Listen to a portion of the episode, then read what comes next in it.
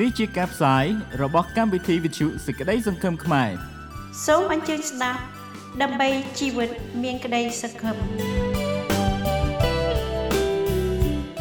ខ្មែរ Hope Radio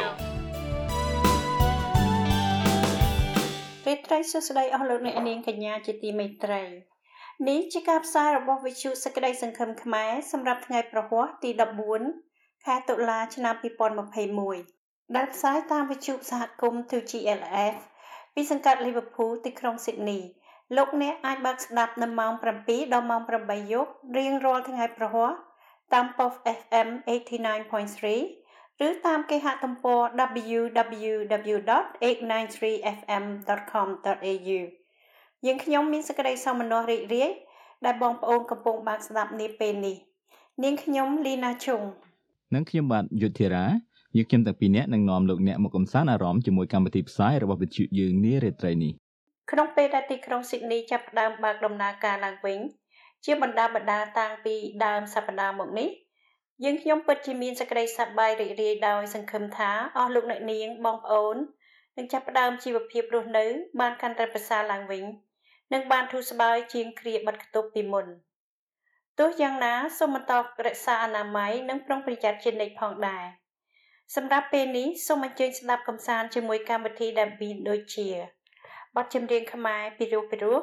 ព័ត៌មានសម្រាប់សហគមន៍ខ្មែរស្ដីពីការបើកដំណើរការរដ្ឋ Renew Survey ឡើងវិញព័ត៌មានពីកម្ពុជាជីវិតក្នុងក្តីសង្ឃឹមនិងព័ត៌មានពិភពលោកបទចម្រៀងដែលមានចំណងជើងថានៅតែស្ម័គ្រជាសំនៀងរបស់លោកតាស៊ិនស៊ីសមុទ្រនិងចូលកំដរអារម្មណ៍របស់លោកអ្នកជាដំបូងគេនារាត្រីនេះសូមអញ្ជើញកំសាន្តដោយរីករាយ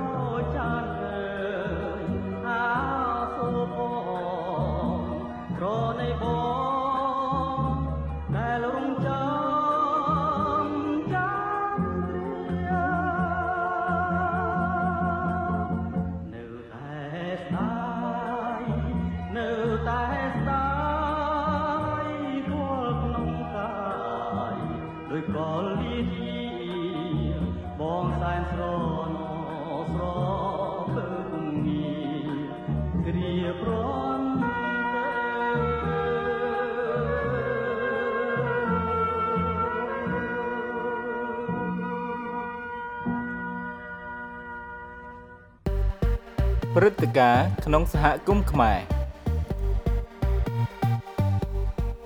New South Wales នឹងចាត់វិធានការដំបូងរបស់ខ្លួនឆ្ពោះទៅរកការបើកឡើងវិញ នៅពេលដែលរដ្ឋឆ្លងកាត់គោលដៅចាក់វ៉ាក់សាំងទ្វេដង70%ជាមួយនឹងការឈានដល់ដំណាក់កាលនៃការចាក់វ៉ាក់សាំងដំបូង រដ្ឋាភិបាល New South Wales ក៏កំពុងបន្ធូរបន្ថយការរឹតបន្តឹងមួយចំនួន ដែលជាផ្នែកមួយនៃផែនទីបង្ហាញផ្លូវ New South Wales ឡើងវិញនឹងអនុញ្ញាតឲ្យមនុស្សពេញវ័យដែលទទួលថ្នាំបង្ការចាក់ពេញលេញទទួលបានសេរីភាពកាន់តែច្រើន ចាប់ពីថ្ងៃច័ន្ទទី11ខែតុលានេះ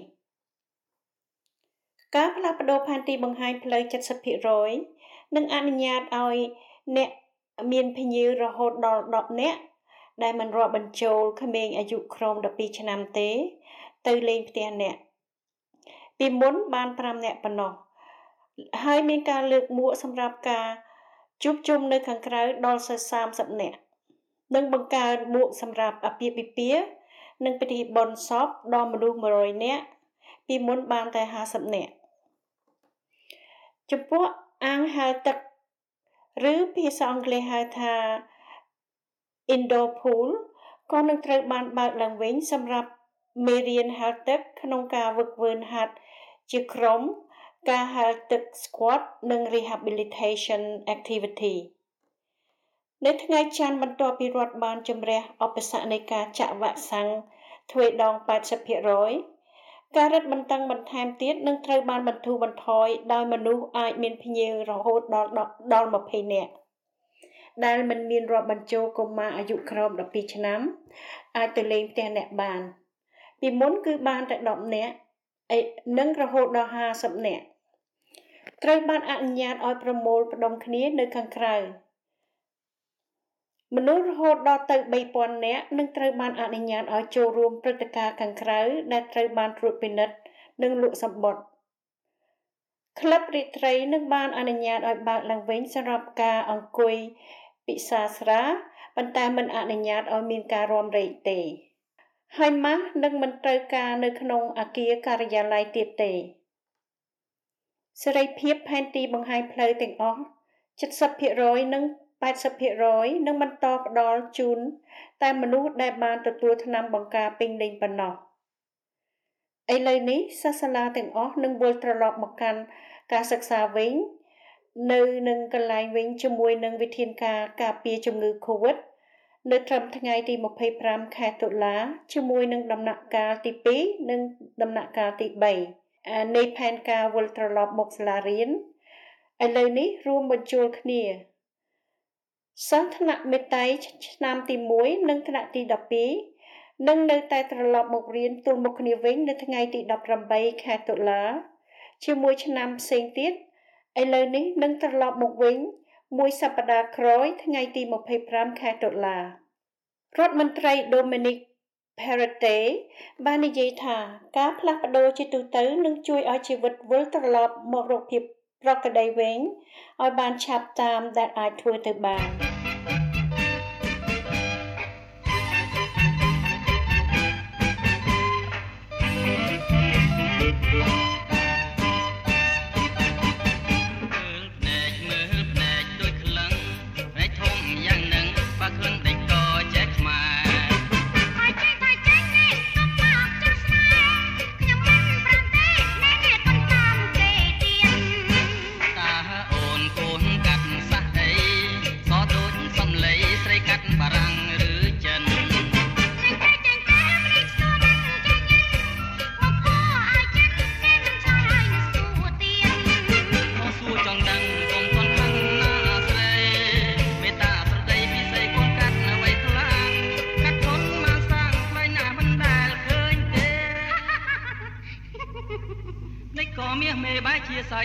ទៅវិញអូននេះ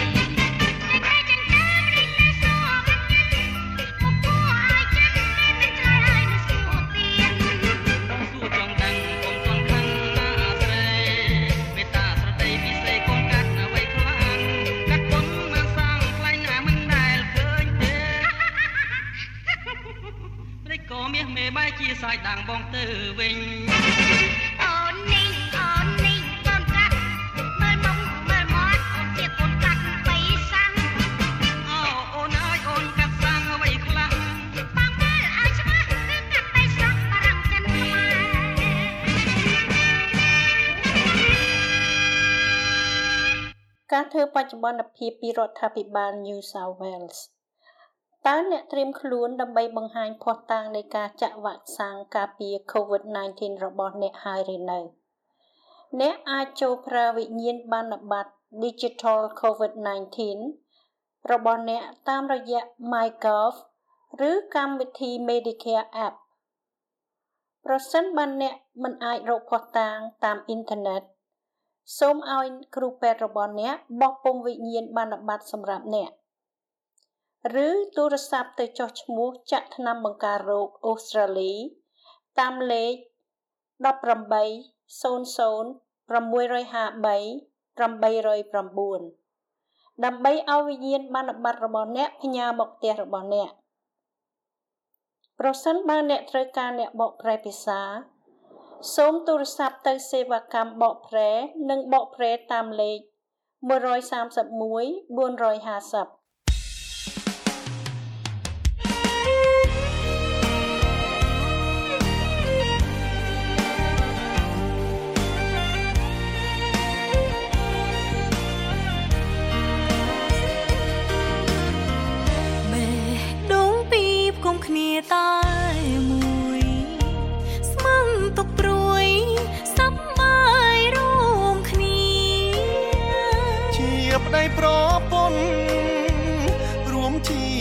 វិតស្នេហ៍ពេញ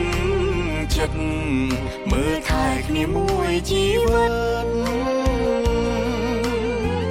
បងអរគុណអូនប្រពន្ធសំឡាញ់ស្ម័គ្រព្រមកាន់ដៃឲ្យបងរក្សាអូតំភរិយាតែបងប្រាថ្នាប្រពន្ធអស្ចារ្យចិ ត្តបងយើងហត់យើងនឿយយើងយំយើងសោខឹងឆ្លោះប្រកាយរិនតែស្រឡាញ់អូនខឹងបងបងលួងប្រពន្ធសំឡាញ់អូនលួចញញឹ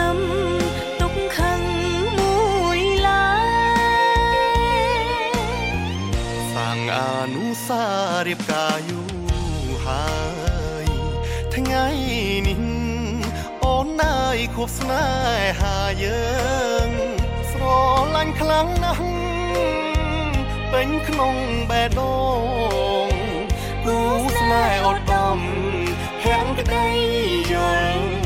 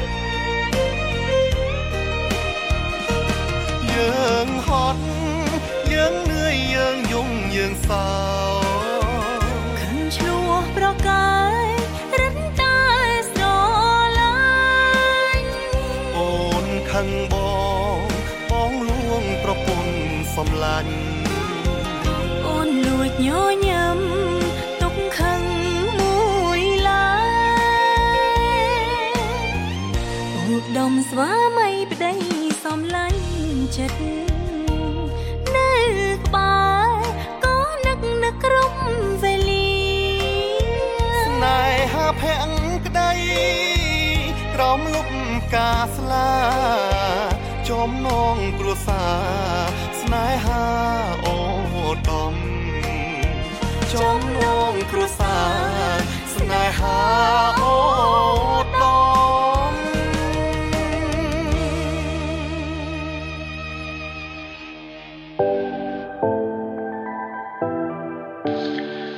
ចូលចិត្តស្ដាប់វិទ្យុ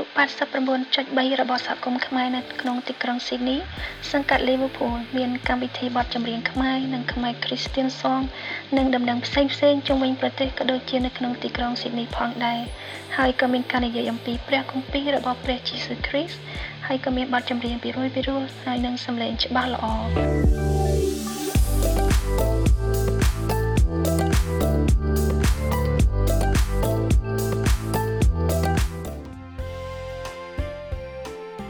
ព័ត៌មានខ្លីៗពីប្រទេសកម្ពុជា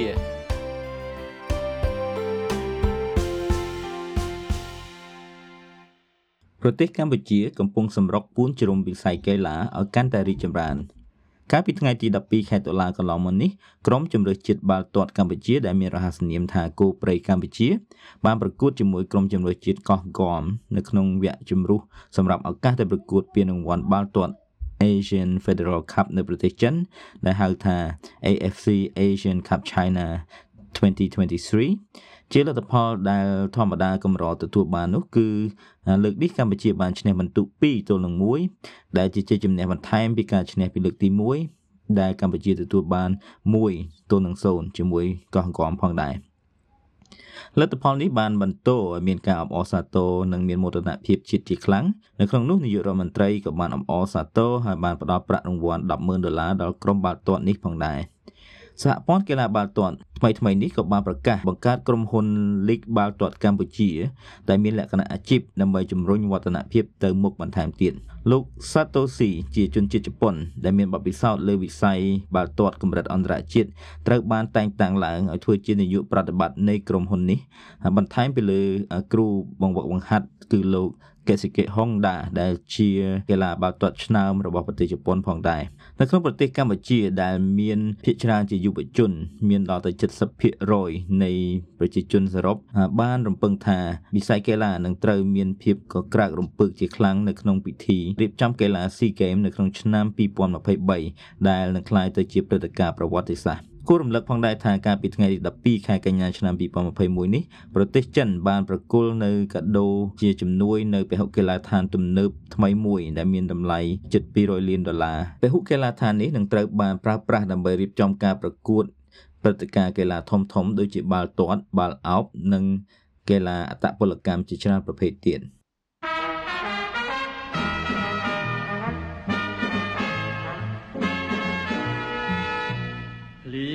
ជោគជាំក៏រំដំវេហីឲ្យដួងចិនគិនរលឹងនៅដល់គ្រាដែលបានជួបការនិស័យយោបបងបនំយកវិហារទេមានមេត្តាចិន្តាប្រងស្មមេត្រីហើយប្រត់សំដីប្រតិចារៀមសែនស្រណោរកលិ នមិនអើយក្លិនព្រាពីអរ៉ាទាំងធ្លាប់តែធំនឹងងាសាដាច់មេត្តាចោលស្នេហាឬវ័យភ្លៀងអើយភ្លៀងសូមនាំសៀងជ្រឹងផ្ទះក្តីប្រាំដប់ការដែលខ្ញុំធ្លាប់តែបែតទេថាខ្ញុំអាឡ័យពីពេញឡើយ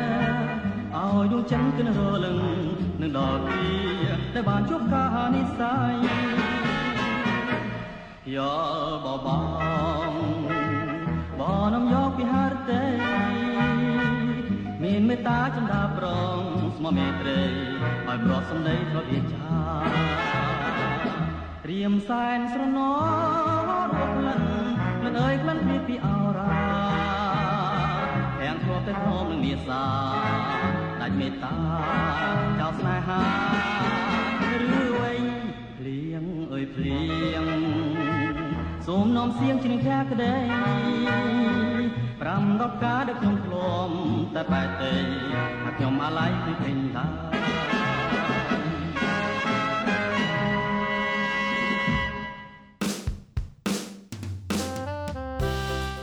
នេតិជីវិតក្នុងក្តីសង្ឃឹម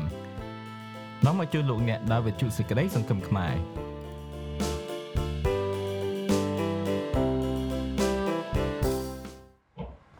បាទកាលពីវគ្គទី5អស់លោកអ្នកស្ដាប់បានឮអំពីដំណើររឿងដែលលោកគ្រូអ៊ុយសុនសាវេតបានរៀបរាប់ពីការគាត់បានមកដល់ប្រទេសអូស្ត្រាលីដំបូងដំបូងហើយបានចាប់ផ្ដើមជីវិតចាប់ផ្ដើមប្រកបអាជីពការងារហើយក៏បានចូលទៅសិក្សាព្រះគម្ពីរដែលជាសាលាមួយផឹកហ្វឺនអ្នកដែលបម្រើដល់ក្រុមជំនុំគ្រីបោសាន់នៅប្រទេសអូស្ត្រាលីនេះហើយ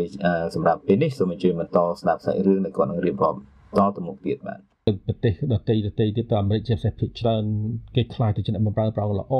ហើយខ្ញុំមកទីនេះខ្ញុំមិនមែនចង់ការប្រកួតប្រជែងអីទេគឺខ្ញុំចង់គិតណាសាលាកាពីខ្ញុំដូចជម្រាបឲ្យជម្រាបទៀតខ្ញុំអត់ចង់ទៅតែខ្ញុំក្រោយមកខ្ញុំរកឃើញថាជាកន្លែងមួយហើយជាចំណុចមួយក្នុងឆាកជីវិតជាអ្នកបម្រើព្រះអង្គជាកម្ពូលនៃការនៃឱកាសនៃការយល់ដឹងព្រះបន្ទូលព្រះអង្គហើយទៅរៀនពេលនោះខ្ញុំប្រឡងលើកទី1 ឆ្នាំទី1ខ្ញុំធ្លាក់មកសាប់ចិត្តខ្ញុំខឹងខ្លួនឯងខ្ញុំយំផងអីផងខ្ញុំថាខ្ញុំប្រហែលខ្ញុំអត់តទៅទៀតទេព្រោះអីយើងខ្សោយភាសាផងផ្នែកខាងសេតែងសេចក្តីជាភាសាអង់គ្លេសផងពីពិបាកណាស់ហ្នឹងហើយតែតែចាប់ផ្ដើមផ្គត់ផ្គង់ឲ្យអ្នកជួយខាងភាសាអង់គ្លេសផងហាត់បរៀនយើងទៅសរសេរផងហើយអឺធ្វើ homework អីហ្នឹងគាត់បានជួយយើងយើងដែរជួយជួយយើងយ៉ាងច្រើនមែនទែននៅក្នុងភាសាអង់គ្លេសហ្នឹងបាទហើយអញ្ចឹងការយល់ស្គាល់ព្រះបន្ទូលពីជំរឿពីប្រវត្តិសាស្ត្រហើយនឹងពី គោលដៅហើយនឹងពីអឺគោលបំណងនៃព្រះគម្ពីរឲ្យយើងសិក្សាតាំងពីហេតុអ្វីបានព្រះអង្គអនុញ្ញាតឲ្យសរសេរហើយទាំងពាក្យដែលមានក្នុងគម្ពីរហ្នឹងតាសម័យដែលអ្នកសរសេរនោះមានបំណងពីអីព្រោះមានបំណងពីសម័យនោះមួយទៅសម័យមួយអាចខុសគ្នាតែយើងអរគុណព្រះអង្គនៅពេលនោះគឺធ្វើឲ្យយើងមានការយ៉ាប់យ៉ឺនខ្លាំងក៏ប៉ុន្តែមានការជំនួយហើយភ្លឺស្វាងហើយជួយយើងច្រើនណាស់ចម្រើនលូតលាស់ហើយ ក៏បង្រៀនយើងទៀតខ្លួនក្នុងការបម្រើព្រះអង្គតទៅអនាគតនេះគឺបានប្រសើរប្រពៃមេតបាទបាទកាលខ្ញុំមកដល់នោះក្រុមជំនុំយើងមានហើយបាទគឺកើតហើយពីព្រោះអីខ្ញុំស្រាវជ្រាវទៅវិញបានសួរគ្រូកុំវាលហើយចាស់ទុំយើងថាក្រុមជំនុំខ្មែរយើងកើតឆ្នាំនៅឆ្នាំ82បាទក្នុងចុងឆ្នាំដែលមានប្រមាណគ្រួសារអ្នកគ្រីស្ទានមកពីជ្រុំហ្នឹងទៅប្រជុំនឹងវិហារ South Granville Baptist Church ហ្នឹងហើយប៉ុន្តែអត់អាចប្រជុំជាភាសាខ្មែរបានព្រោះពី3គ្រួសារអញ្ចឹងទៅជុំប្រជុំមួយគេប៉ុន្តែគួរឲ្យអណោចដែលថាมันអាចយល់ភាសាអង់គ្លេសព្រោះឲ្យជារនាំងពិបាកបងប្អូនយើងមកដល់សម័យមុនអត់ចេះភាសាហើយអញ្ចឹងគេចង់ថ្វាយគុំព្រះអង្គចូលរួមតែក្រោយមកក៏គាត់ក៏សម្រេចចិត្តទាំងអស់គ្នាពី3គ្រួសារទាំង ពេលប្រជុំថ្វាយគុំគាត់ចង់ប្រជុំជាភាសាខ្មែរខាងក្រៅវិហារប្រជុំកន្លែងអាខាផាតគេនោះកន្លែងហៅខាផតគេបាទប្រើអាខាផតជាដំបូលហើយប្រជុំគ្នាជ្រៀងសារជាភាសាខ្មែរហើយអានកាពីអធិដ្ឋានជុំគ្នាបាទចាប់ផ្ដើមយ៉ាងដូច្នោះឯងហើយ5 6ខែក្រោយមកក៏បានចម្រើនចាស់ច្រើនគ្រួសារទៅហើយអញ្ចឹងព្រះព្រះវិហារបាប់ទីសនៅ South Granville នោះគេក៏ ឃើញការលូតលាស់ចឹងគេក៏បើកឲ្យប្រើប្រជុំនៅក្នុងវិហារថាបន្ទាប់ពីអង្គពីភាសាអង់គ្លេសទៅពីអូស្ត្រាលីទៅឲ្យខ្មែរអាចប្រើបានហើយពេលរសៀលអញ្ចឹងក៏ចាប់ដើមពីពេលនោះហើយក៏ខាងក្រមជំនុំអូស្ត្រាលីនៅ South Granville ក៏ជួយគ្រប់គ្រងហើយក៏បានចាត់ឲ្យមានគ្រូឲ្យឲ្យមានមួយគ្រួសារឬពីរបីគ្រួសារម្លេះនោះបានឲ្យស្ម័គ្រទៅរៀនកពីនៅសាលាកពី Morling ហើយក៏ជួយឧបត្ថម្ភ ថវិកាទៅរៀនតែដោយអត់ថវិកាស្បើយมันគ្រប់គ្នាអញ្ចឹងសល់តែបានតែមួយគ្រួសារសល់តែបានគ្រូមួយគាត់រៀនចប់សពគ្រប់ហើយក៏បម្រើព្រះអង្គតែមិនយូរប្រហែលបែរជាឆ្នាំអឺ91 92គាត់តែក៏គាត់លាតំណែងត្រូវឈប់ទៅយើងអត់មានគ្រូគវិអស់មួយរយៈធំរហូតដល់93បានខ្ញុំអឺទទួលការត្រាស់ហៅទៅរៀនបាទគឺគ្មានណាគ្រប់គ្រងថាវិការតែយើងទុកចិត្តដល់ព្រះអង្គព្រោះអីការសន្យា នឹងព្រះតាំងពីនោះមកអញ្ចឹងជីវភាពចូលមករស់នៅដំបងគឺគ្រប់គ្នាត្រូវទៅធ្វើការដោយអ្នកខ្លះធ្វើការទាំងមិនសូវទាំងចេះភាសាផងប៉ុន្តែសម្បូរការងារធ្វើកាលនោះខណៈយើងដើរទៅតាមរោងចក្រនោះក៏គេហៅចូលធ្វើហើយឲ្យធ្វើការ full time តែម្ដងហើយកាលខ្ញុំធ្វើអញ្ចឹងដែរតាមពួកម៉ាក់ហៅចូលទៅគេឃើញគេយើងធ្វើការឲ្យគេទៅគេពេញចិត្តហ្នឹងគេមួយថ្ងៃដំបូងហ្នឹងគេឲ្យយើងធ្វើ full time ភ្លាមណាដាក់ឲ្យយើង បានទទួលជាអ្នកធ្វើការ full time ឲ្យគេបាទហើយគេស្រឡាញ់ខ្មែរពេលនោះឃើញថាធ្វើការយ៉ាងសកម្មហើយនឿយហត់សម្រាប់ការងារផនគេចម្រើនអញ្ចឹងគេស្រឡាញ់កម្មករដែលមកពីអាស៊ីយើងជាពិសេសខ្មែរខ្មែរនឹងចូលចិត្តធ្វើការជុំគ្នាហើយគេឲ្យយោងគ្នាមានមានមិត្តភ័ក្តិទៀតហើយយើងហៅចូលទៅអញ្ចឹងបាទហើយគ្រប់គ្នាកាលសម័យហ្នឹង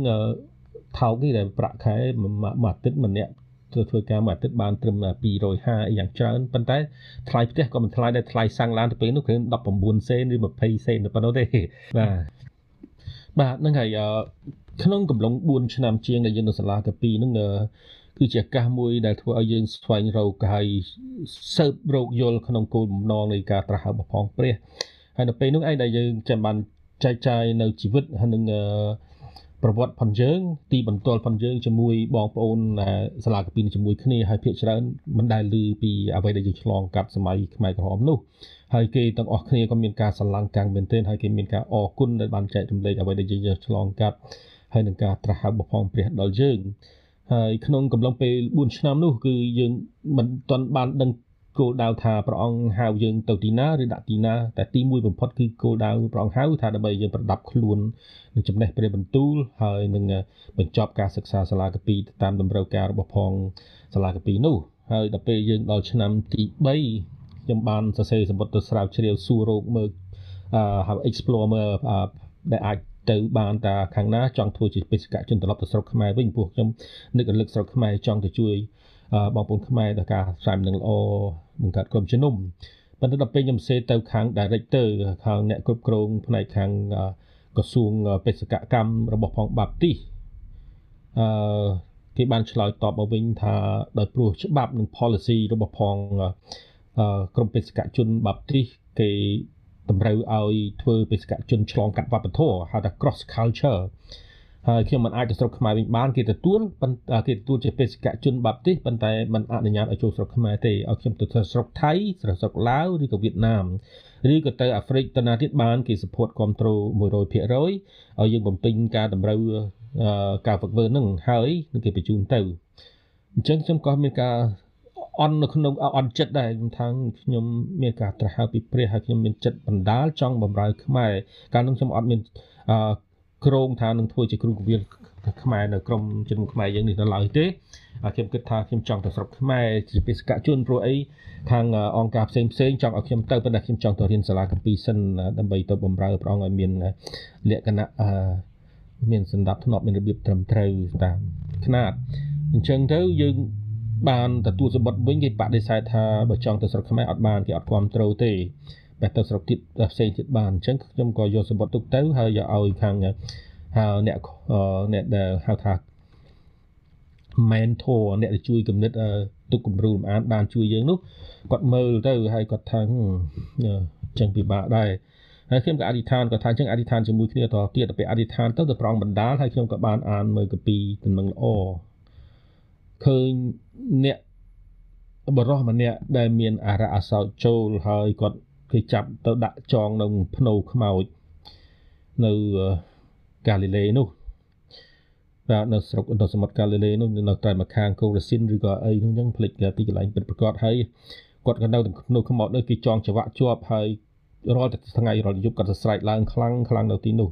ដល់ពេលមួយព្រះអង្គបានឆ្លងទៅត្រៃមកខាងនោះបានជួបនឹងគាត់ហើយគាត់ក៏ស្រែកថាព្រះយេស៊ូវជាព្រះវត្តនៃព្រះអើយតើព្រះអង្គមក ធ្វើអីតើ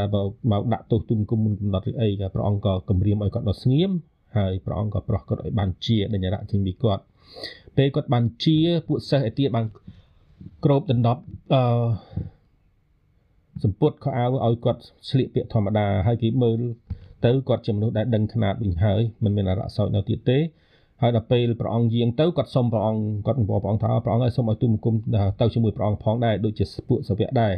តែព្រះអង្គអត់ឲ្យគាត់ទៅព្រះអង្គប្រាប់គាត់ថាចូលត្រឡប់ទៅផ្ទះអ្នកវិញទៅប្រាប់អ្វីដែលព្រះបានធ្វើឲ្យអ្នកបាទហើយខ្ញុំបានយកចំណុចនោះឯងព្រះអង្គបានពោលចិត្តព្រះវិញ្ញាណធ្វើការក្នុងចិត្តថាខ្ញុំទទួលការត្រាស់ហៅរបស់ផងព្រះរៀនដល់សាលាកពីគឺដើម្បីបំពេញបេសកកម្មហើយខ្ញុំចង់ទៅបម្រើព្រះអង្គនៅស្រុកខ្មែរជាបេសកជនឥឡូវអង្គការបេសកបេសកកម្មអត់ទទួលខ្ញុំទេដូច្នេះខ្ញុំក៏បានសម្រេចចិត្តសរសេរឆ្លើយតបទៅខាងអឺ អង្គការបេសកកម្មនៅវិញខ្ញុំសរសេរអរគុណដែលបានឆ្លើយតបមកខ្ញុំហើយនឹងការសម្រេចចិត្តផងគណៈកម្មការសាលាអនគណៈកម្មការអង្គការបេសកកម្មនោះថាមិនអាចទទួលខ្ញុំពីព្រោះច្បាប់គេជាង100ឆ្នាំមកហើយគេទទួលសម្រាប់តាឆ្លងកាត់បព្វធម៌ទេហើយខ្ញុំមិនអាចទៅស្រុកខ្មែរបានព្រោះនឹងជាស្រុកកំណើតខ្ញុំហើយខ្ញុំក៏បានស្រង់ខកពីនឹងបានប្រាប់គេថាបរិះនេះដែលគាត់មកពីស្រុកគាត់មិនអាចត្រឡប់ស្រុកវិញបានព្រោះគាត់មានអារៈចូល ហើយខ្ញុំក៏បានសេផ្ទឹមនៅខ្លួនឯងថាខ្ញុំបានចេញពីស្រុកខ្ញុំមកមិនដែលស្គាល់ព្រះដែរខ្ញុំជាមនុស្សអឺមានបាបហើយក៏មិនដែលឮដំណឹងល្អតែដល់ពេលបានជឿបានទទួលដំណឹងល្អហើយឥឡូវនេះព្រះអង្គចង់ចាត់ឲ្យខ្ញុំទៅស្រុកខ្មែរវិញហើយឥឡូវវាអត់ត្រូវនឹងកឡោននៃការច្បាប់របស់ផងអង្គការ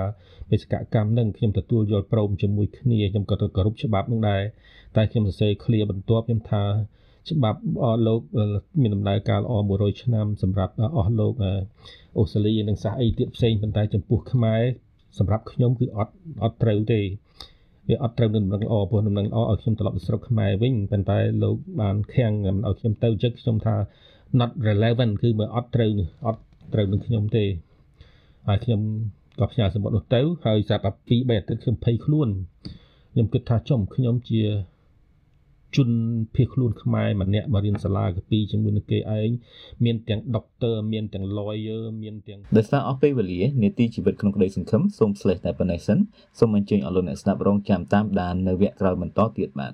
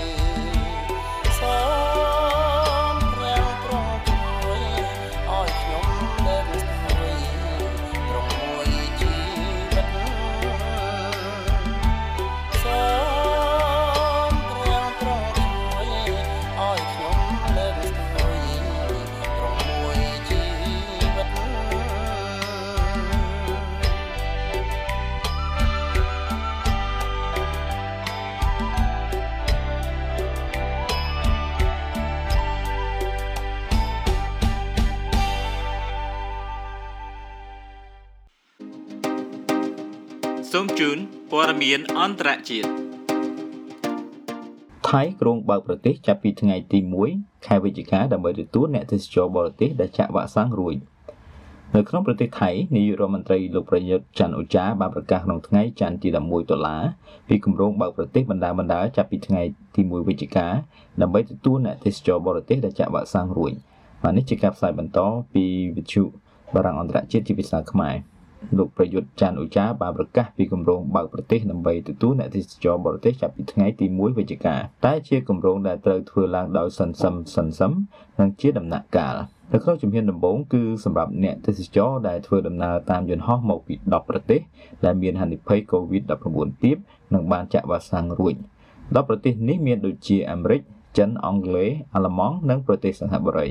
តែលោកច័ន្ទអូចាបានសន្យាថាបញ្ជីឈ្មោះប្រទេសនេះនឹងត្រូវពង្រីកបន្ថែមទៀតនាពេលខាងមុខដោយផ្អែកលើស្ថានភាព COVID-19 របស់ប្រទេសនីមួយៗជាសរុបគិតត្រឹមថ្ងៃទី12ដុល្លារថៃមានករណីឆ្លងជាង1.7លានករណីនិងមានស្លាប់ជិត18000នាក់ចំណែកអត្រាអ្នកចាក់វ៉ាក់សាំងវិញមានពលរដ្ឋចំនួន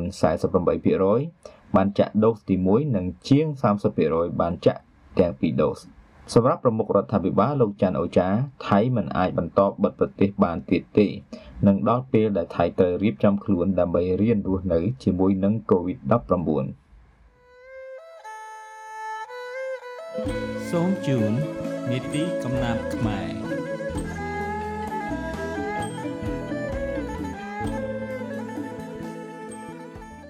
ទំនុករំកើងចំពុក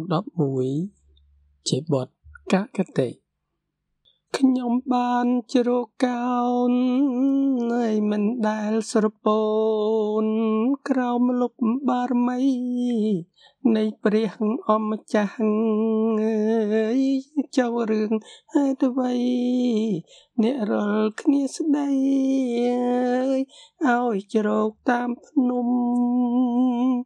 ជន់ពីលយិតធ្នូបាញ់ខ្សែទាំងគូ បំរុងបាញ់ផ្គប់ពីទីងងឹតអើយដែលគេសំងំត្រៀមបាញ់ឲ្យចំអើយពួកនាងស្មោះត្រង់ប្រសិនបើច្បាប់អើយជាគ្រឹះមមជាប់ត្រូវរំលំអស់ តើមនុស្សសុចរិតទាំងស្រីទាំងប្រុសធ្វើអ្វីកើតនោះអើយសូមជួយរិះគិតព្រះម្ចាស់គង់ក្នុងអើយវិញ្ញាព្រះអង្គដ៏វិសុទ្ធពិត បល្ល័ង្ករបស់ព្រះអង្គថេឆាត់ឆ្វេងយល់គុណិតអើយរបស់មនុស្សលោកព្រះអង្គពេញចិត្តហើយនឹងមនុស្សសុចរិតតែមិនព្រមយក មនុស្សកាចពីលាយចូលចិត្តឈរបោកក្រែងតែរិះរកអើយប្រព្រឹត្តខុសខើសូមទ្រង់ដាក់ទោសមនុស្សពីលទាំងនោះ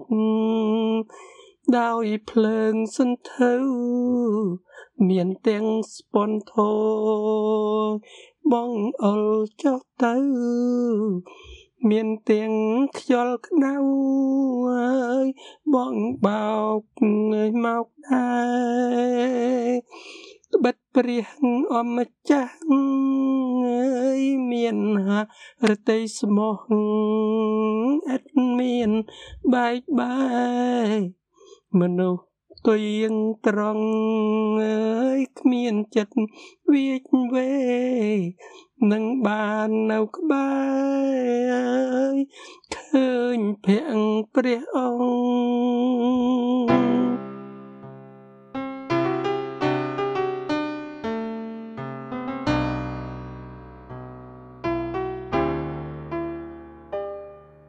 ខ្ញុំមានបំណងចិត្ត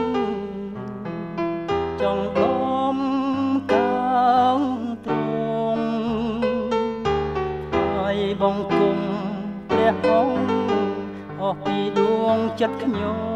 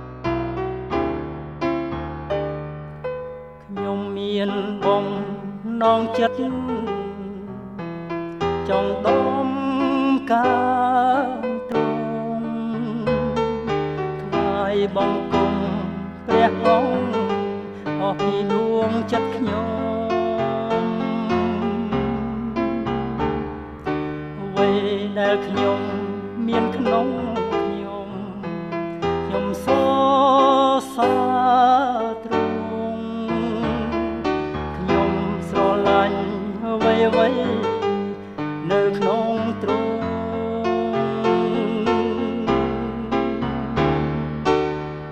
ខ្ញុំថ្វាយដួងចិត្តដល់ទ្រង់ខ្ញុំថ្វាយប្រលឹងខ្ញុំខ្ញុំរួថ្វាយទ្រង់តែមួយ គ្រប់ដងហាមដែលខ្ញុំដងគ្រប់នីតិដែលខ្ញុំភ្ញាក់ឡើងខ្ញុំ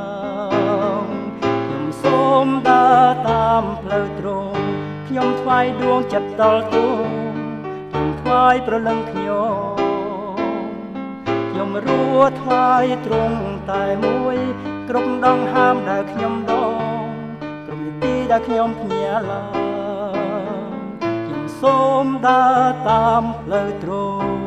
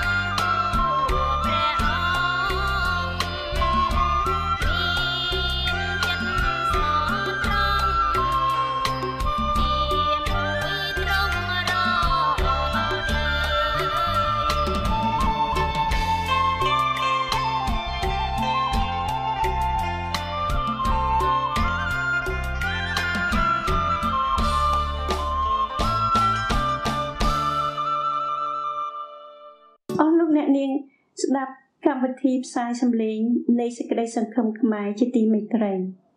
យើងខ្ញុំសង្ឃឹមថាលោកអ្នកបានរីករាយជាមួយកម្មវិធីផ្សាយរបស់យើងសូមអរគុណដែលបានបើកស្ដាប់តាំងពីដើមដល់ចប់ចា៎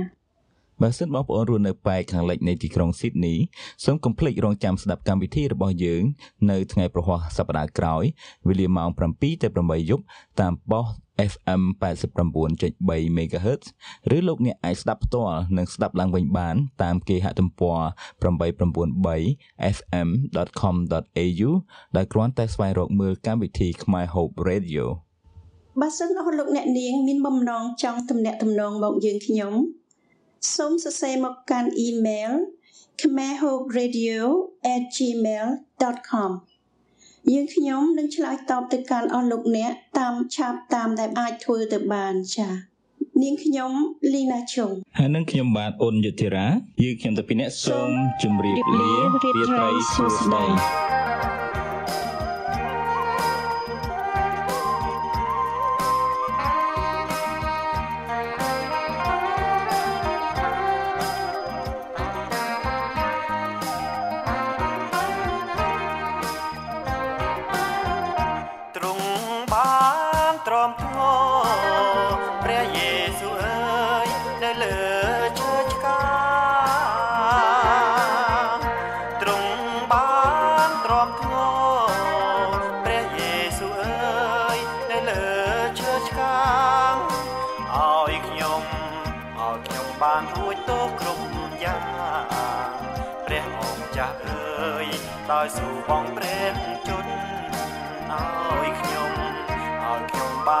បានរួចទៅគ្រប់យ៉ាងព្រះអង្គចាស់អើយដោយស៊ូបងព្រះជន្មទ្រង់សានចុកចាប់ព្រះយេស៊ូវអើយជួយដោះទុកធ្ងន់ទ្រង់សានចុកចាប់ព្រះយេស៊ូវអើយជួយដោះ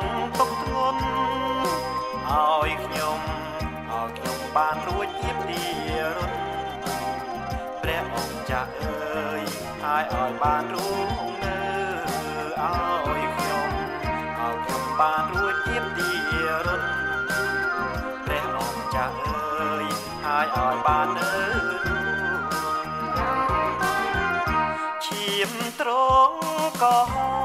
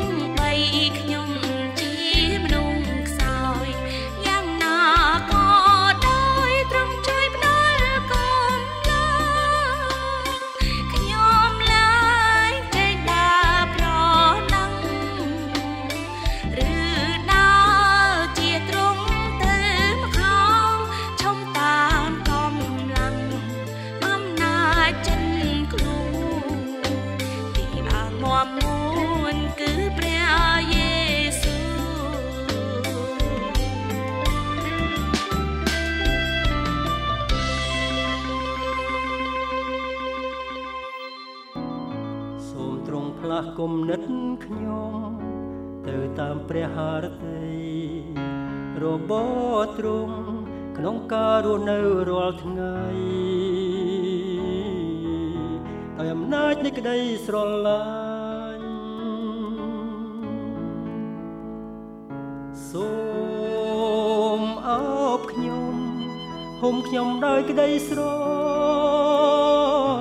ឡាញ់សូមនាំខ្ញុំចូលទៅចិត្តព្រះ